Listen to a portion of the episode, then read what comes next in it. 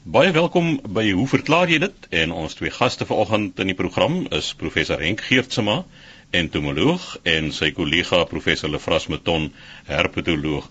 Nou Henk, ons gaan by jou begin. Jy gaan gesels oor mure en vere, maar dis nou nie mure wat vere het nie. Ja, ek het hier so 'n uh, e-pos gekry van Henk Botha, maar hy vra Daar's twee sake waaroor ek wonder en ek sal bly wees as iewers 'n slim mens kan opspoor om 'n bietjie lig daarop te werk. Nou ek is nie so seker van die slim mense nie, maar miskien kan ons help. Sy eerste vraag is: Die hele bult waar ek woon, dis in suidelike Johannesburg, is vrot van die mure. Hulle is van verskillende soorte, mense kan dit maklik sien, maar die meeste is gewone tuinmure. Nou vra hy, hoe groot is so 'n voorstedelike muurfamilie? is die bewoners van verskillende neste verwant aan mekaar? Bruide kolonies uit of bly hulle net in 'n sekere kol afhangende van die grond en kosbeskikbaarheid? En dan sê hy ook ek sien nooit dat hulle mekaar beveg vir woonruimte nie, maar gebeur dit wel onder die grond. Nou Henk Botha, dis dan 'n klomp vragies wat jy vra. Eerste plek, jy sê die hele bult waar jy woon is vrot van die mure. Nou mure is natuurlik baie interessante groep diere, hoogs ontwikkeld met hulle sosiale struktuur, maar die ding is baie van hulle is mens geassosieerd omdat die mens is eintlik 'n groot morsjors. En die mure teer eintlik op hierdie afval en so wat ons produseer. So dis amper vanselfsprekend dat waar daar mense is, gaan daar mure wees. Nou sê jy alles van verskillende soorte, mense kan dit sien, dit is waar. Baie interessant, sekere mure het angels, ander mure byt net en ander mure het 'n gewysigde soort van 'n angelklier wat eintlik uh, 'n soort van 'n muur of asynsuur spuit. So hulle byt eers, maak 'n wond, dan lig hulle die agterlyfie oor hulle kop en spuit dan so 'n bietjie van hierdie muursuur of asynsuur in die wond in. So dit is dan verskillende soorte van verdediging. Nou vra jy hoe groot is 'n voorstedelike muurfamilie? Nou dit is baie moeilik om te sê omdat van die muurkolonies het net een koningin, ander het weer 'n hele klomp koninginne. En 'n mens vind eintlik dat daar is 'n netwerk van tonnels bo of onder die grond wat eintlik aan een nes kan behoort. Maar die verskillende koninginne het eintlik hulle eie koningrykies. Hulle kan besluit wat in hulle omgewing gebeur. En natuurlik weer eens, dit hang af van die beskikbaarheid van die voedsel en skuilings, soos jy terug in die brief opmerk. Nou, die kolonie sal uitbrei as die lewenstoestande gunstiger raak. Dan sal hulle uitbrei. Maar natuurlik dit krimp ook.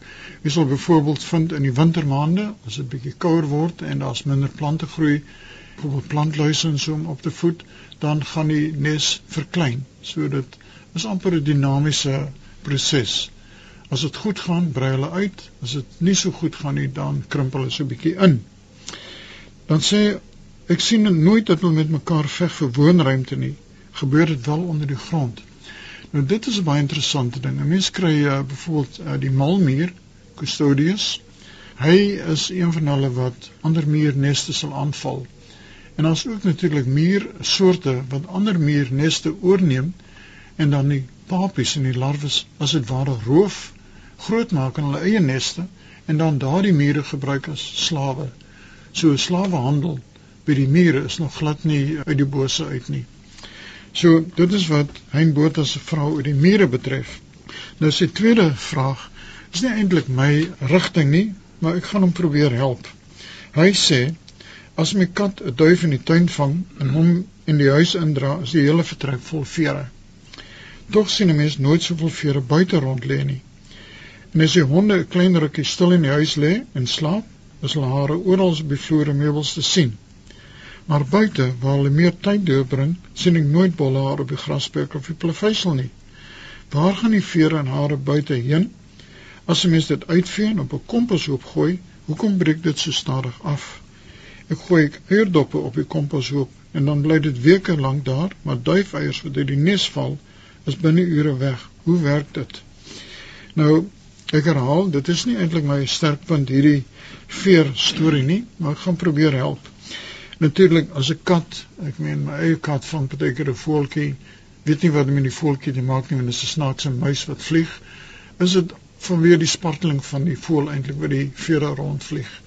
As 'n mens buite in die natuur kyk en mens sien byvoorbeeld as 'n valk 'n voël vang, so eintlik sien jy die valk pluk eintlik daardie voël absoluut skoon. Lyk my nie 'n valk sluk vere self nie.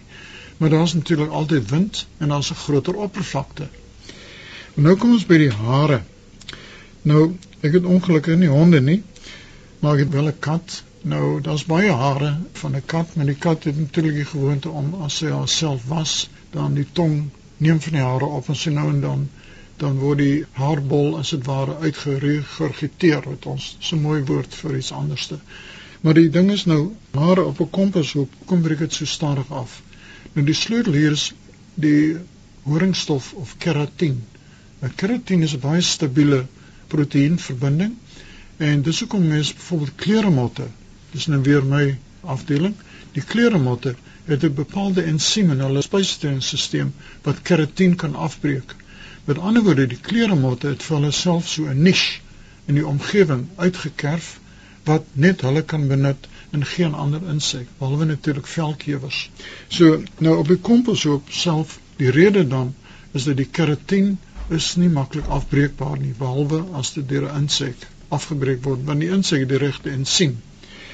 En dan die eierdoppe, Nou ek sou veronderstel dat die eierdoppe van hoenders byvoorbeeld baie dikker is die van duwe en die duifeier is ook maar 'n delikate doppie wat hy het. Maar miskien kan Lefras bietjie meer daaroor vertel.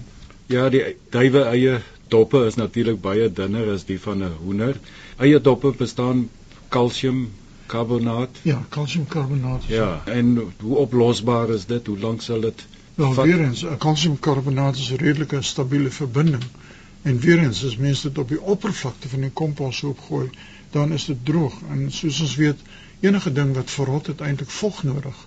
So ek dink as mense die doppe in die grond in die komposhoop inwerk, inspit, gaan dit eintlik gouer afgebreek word. Ek dink die persoon het ook iets gesê van duifies wat uit die nes uitval Hy dan is dit baie vinnig weg. Weg ja. Maar die vere sal nog daar sit en natuurlik nog die skelet en miskien die vel by soogdiere sal die vel ook nog daar sit want die vel bevat ook seker bietjie ja. keratin die horinglaag. Die brief sê eintlik die duifeiers wat uit die nes val. Nou is binne ure weg so ek vermoed dis die doppe eintlik wat hy van praat. Maar natuurlik omdat dit uh, ryk is aan kalk en dis redelik dun, kan ek nie sien dat ander diere ook nie dit gaan benut vir hulle self hulle eie produksie omdat kalsiumkarbonaat kalsium is nie vrylik beskikbaar in die natuur nie. En die diere wat dit wel nodig het sien dit as 'n bron. So meneer Botha ek hoop ek het die vraag na behoore beantwoord. Baie dankie Henk as ek net iets daar kan byvoeg wat die hondehare betref wat hy nou net binne sien maar nie buite nie ek moet sê ek dink dit hang ook af van die tipe hond wat jy het want ek het 'n ruffrig en 'n labrador en die geplaveide area voor die kombuis waar hulle die meeste tyd deurbring. Veral hierdie tyd van die jaar waar die labrador nou sy winterkleed afgooi, want hy het 'n baie digter hare kleed en baie langer hare ook. Elke Saterdag as ons daar vee, dan is daar nog al 'n taamlike bolle hare wat bymekaar gevee word. So hy skud maar buite ook van die hare af. Chris, jy praat so, ek het 'n lang haar kat en partykeer dan kom ek die kat buite en dan is die kam naderhand vol met 'n bol hare en dan laat ek dit sommer in die tuin dryf as dit ware. En dis nie baie lank nie dan kry vir al die glasoogies kry die bol pluis in die hande en ek dink hulle gebruik dit vir nesmaak. So dit word op 'n manier baie goed benut in die natuur weer. U luister na hoe verklaar jy dit? Ons twee gaste vanoggend professor Henk Geertsma en sy kollega professor Lefras Meton. Net hierna gesels ons verder.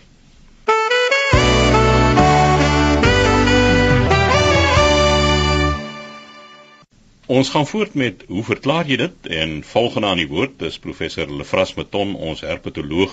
Nou Lefras, jy het 'n vraag ontvang, moet 'n mens skilpaaie optel of nie? Nou dink ek aan 'n liedjie van lank gelede, ek het dit laas gehoor toe ek nog 'n kind was. Die woorde gaan min of meer so ek loop iewers langs die pad, ek tel 'n skilpad op, hy maak my nat. Ek sit op neer, hy doen dit weer. nou, miskien is jou antwoord soortgelyk aan die woorde van die liedjie baie gepaste liedjie. Ja. Ons het 'n brief ontvang van professor Jan Gelomee. Hy is ook hierso van Stellenbosch. Hy sê ek was die naweek op 'n georganiseerde wandeling langs die Weskus Toe ek 'n rooi pen skilpad optel, sê die gids 'n mens behoort dit nie te doen nie want hulle verloor water en dit is droog. Ek dink toe by myself as die water eers piepie in die blaas is, is dit in elk geval nie meer beskikbaar nie en my Fiat seun is geneig om saam te stem. Wat sê julle? Nou ja, die rooi pen skilpad, ek dink almal van ons weet van hom hier in die Wes-Kaap en ook 'n groot deel van Suid-Afrika hier teen die kusgebiede kom hy voor. En dit is so as mense in die veld is veral as jy saam met ander mense is en jy sien 'n skilpad die eerste ding is jy wil hom optel en dan wil jy vir die mense wys is dit 'n mannetjie of is dit 'n wyfie en kyk hoe sit die bosluise op hom ensovoorts ensovoorts. Dit is maar net soos 'n verkleermannetjie ook. As mense 'n verkleermannetjie sien in die veld, hy moet gevang word en almal wil hom bekyk. En ek dink ons almal het al kennis gemaak en soos die liedjie ook sê, dit is 'n bekende feit as jy 'n skilpad optel, dan skei hy of hy piepie en dit kan soms nog al 'n redelike volume wees wat afgeskei word. En as jy nie bak hand staan of met die skilpad ver van jou lyf af staan nie dan is dit natuurlik op jou broek en op jou skoene. So en nou is die probleem hierso is dit 'n verlies aan water vir hulle of nie? Is dit 'n probleem of nie? Moet mens dit doen in die veld as skilpad optel of moet jy hom liewers net daar los? Ek dink ons moet so 'n bietjie verder. Net gaan kyk na die storie. Alle diere of kom ons hou nou maar by werveldiere maar dit geld vir alle diere moet produkte van metabolisme daardie afvalprodukte op 'n manier kan ontslae van raak. Koolhidrate en vette en so meer word afgebreek tot water en tot CO2 nou as weer die CO2 word via die longe as ons in en uitasem word dit ontslae van geraak. Water is 'n ander probleem. Ons kom nou daarby, maar die grootste afvalprodukte is die proteïene. Daardie stikstof afvalprodukte, daarvan moet ook ontslaaf van geraak word. Een van hulle, ammonium, dit is giftig en so dit moet redelik vinnig uitgeskei word. Nou mens kry by die visse omdat hulle in 'n watermedium is, sommer weer die kief oppervlakte en op ander plekke beweeg dit deur osmose dit ja dit definieer uit. So dit word vinnig uitgeskei want dit is baie giftig.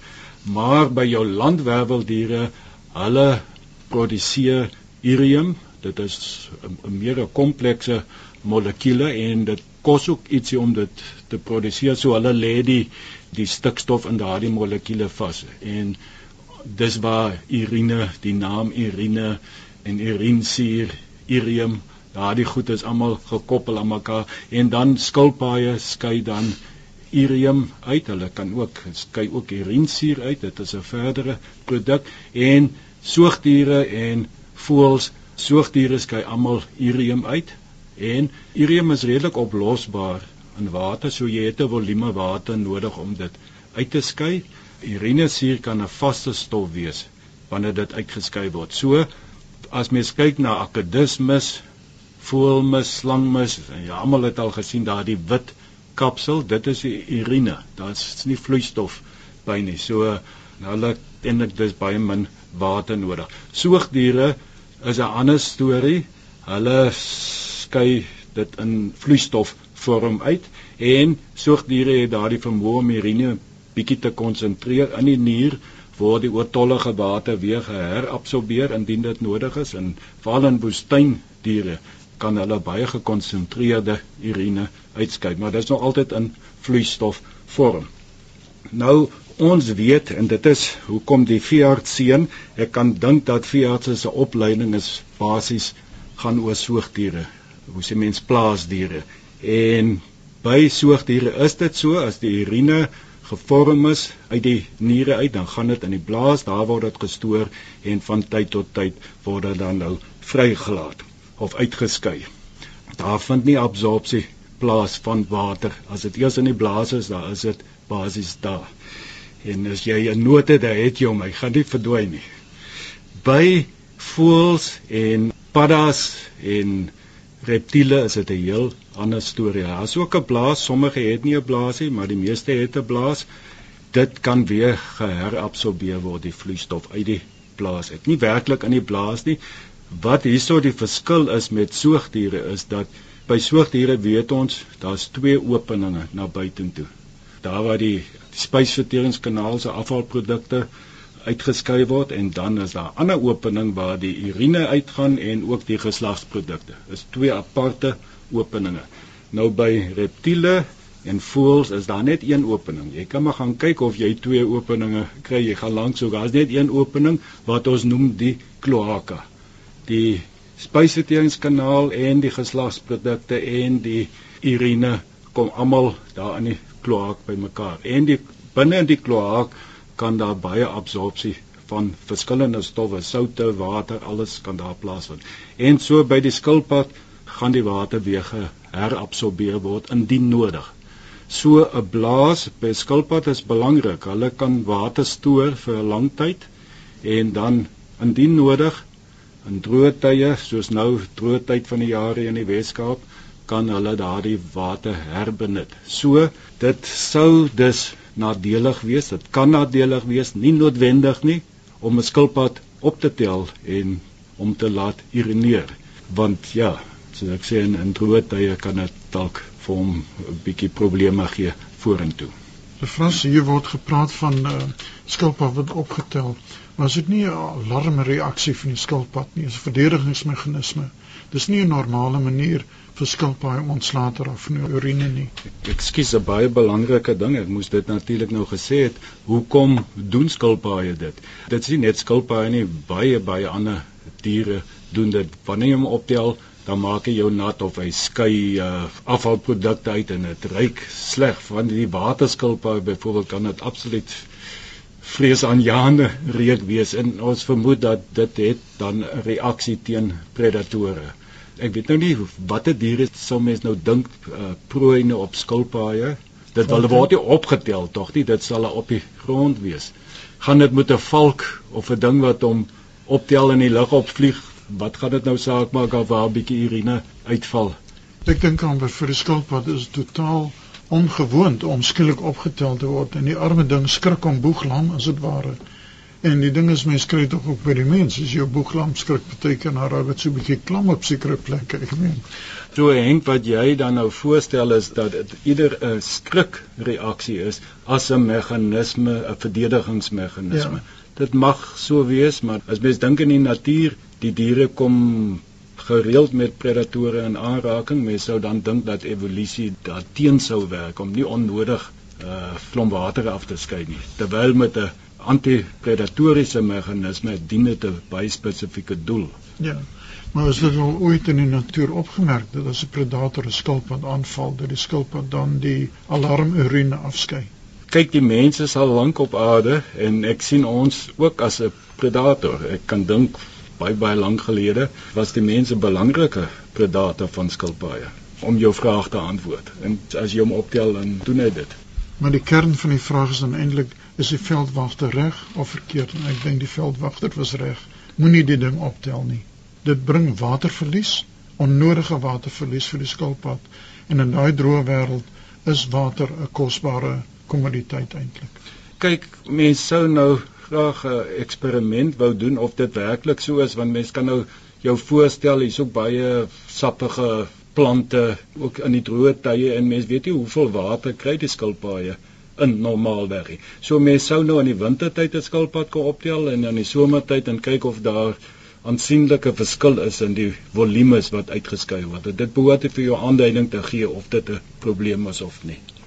Lefras, as ek daar vinnig iets mag byvoeg, ek het nou al gelees in boeke wat mense geskryf het wat veronderstel is om die Boesmans byvoorbeeld baie goed te ken en ook waar daar geskryf word oor oorlewing in die woestyn dat daar gesê word dat juis die Boesman so min as moontlik urine uitskei juis om nou waterverlies teen te werk. Maar wat jy nou hier gesê het, laat my besef dat hierdie aanname is eintlik 'n mite. Dit is nie so nie. Kyk, as mens kan maar gaan kyk na 'n blaas die oppervlak van 'n blaas. Ek waar sou mens nou 'n blaas kry? Beesblaas of dit in die ou dae rugby gespeel met 'n met 'n ou droë ja. Dan sê jy sien daar's nie bloedvoorsiening of bitamin. So waar gaan dit plaasvind? Dit is die probleem. Dan mag dalk klein bietjies maar dit is nie vergelykbaar met die herabsorbering wat mense kry by diere wat 'n kloaka het nie. En dan wat voels betref daardie uitskeiding van die urine in die uitskeiding saam met die mis ook is dit wat daardie guano reuk gee daai skerp reuk wat 'n mens kry selfs in 'n duiwel ook Ja, baie beslis die urinsuur. Jy kry net so ammoniak Ja, tipe. Urinsuur oksideer dan vorm dit ammoniak as 'n Hmm. byproduk en dis wat jy eintlik ruik. Goed, ons laaste vraag is gerig aan Henk Geertsma en jy gesels oor muskiete. Chris, ek het hier so 'n e-pos van Dani en Tersia Du Plessis. En hulle sê hulle het 15 jaar lank in Richards Bay in KwaZulu-Natal gewoon. Hulle woon nou nou in Woester, weer terug in die beskawing. En hulle sê in 2010 het hulle vir die eerste keer 'n groot metaalkleurige muskiet opgemerk en sedertdien een of twee keer weer gesien. Toe sy begin uitvind wat se spesies dit is en is dit endemies in Suid-Afrika? En het die muskiet toe geïdentifiseer as Toxyrhynchitus speciosus. Volgens die bronne wat ek kan opspoor is dit endemies in die ooskus van Australië. Nou dis natuurlik weer Google. Jy weet ek raak vreeslik opgewonde as 'n student vir my sê die inligting wat hy gekry het, het hy van Google of Wikipedia gekry. Nou gaan sy verder dat die Toxorhynchus is 'n muskiet wat nie mense byt nie en die wyfies eet nektar. Hulle suig natuurlik nektar. Die larwes is karnivories en eet ander muskietlarwes. Dan vra sy, weet julle iets van hierdie spesies? Ja, daar's 3 spesies van Toxorhynchus in Australië. En ons baie naby verwante aan Anopheles en is heeltemal waar, hulle voed nie op bloed nie, maar die volwasse wyfies voed eintlik net op nektar. Daar is in die Trinidad, met ander woorde Wes-Indië, kry mens ook lede van die genus, byvoorbeeld uh, die Toxorhynchus moctezuma, maar dan kry mens in Suid-Afrika kry mens twee spesies. En Breviopulpus is baie goed ondersoek omdat die mannetjie muskiet 'n buitengewoon groot antenne. En soos die luisteraars in hierdie tyd al weet, word die antenne van insekte gebruik om te ruik. Nou hierdie antenne van hierdie Toxorhynchus uh, breviopulpus is ondersoek en wat eintlik gebeur is dat dit is so geveerd dat dit tel die vibrasies van die wyfie muskiet op. Dan weet die mannetjie muskiet maar die wyfies in die omtrek. Nou die twee Suid-Afrikaanse spesies wat ons het kom voor in KwaZulu-Natal eintlik langs die hele noordelike strook van Suid-Afrika van Botswana af al met Limpopo langs dan Swaziland, Limpopo, KwaZulu-Natal tot by Port Elizabeth kry mens die twee spesies.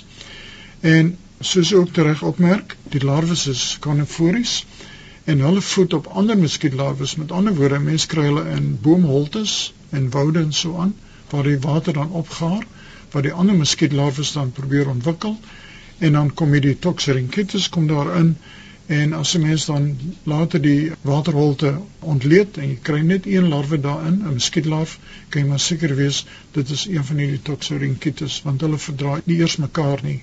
So baie dankie vir 'n baie interessante vraag. Maar die hierdie metaalkleurige muskiet ongelukkig sê nie waar hy dit opgemerk het nie of dit in Richards Bay was of in Worcester, maar ek vermoed dit was meer in Richards Bay se omgewing. Baie dankie Daniel Tersia Du Plessis van Worcester. En daarmee het ons aan die einde gekom van vandag se program. Ons sê dankie aan ons twee spanlede, professor Henk Geertsma, entomoloog en sy kollega professor Lefras Meton, herpetoloog. Skryf gerus aan ons by hoe verklaar jy dit? Posbus 2551 Kaapstad 8000 of rig 'n e-pos aan chris@rsg.co.za.